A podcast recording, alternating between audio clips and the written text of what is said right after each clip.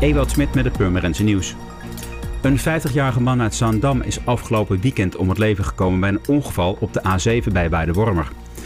De andere bestuurder, een 32-jarige Purmerender, is aangehouden. Hij was na de aanrijding gevlucht, maar heeft zich later bij de politie gemeld. Zijn rijbewijs is ingevorderd en er wordt onderzocht of hij onder de invloed van alcohol of drugs was. Het fietspad aan de Kanaaldijk is weer geopend. Het fietspad was langere tijd afgesloten geweest in verband met de bouwactiviteiten aldaar.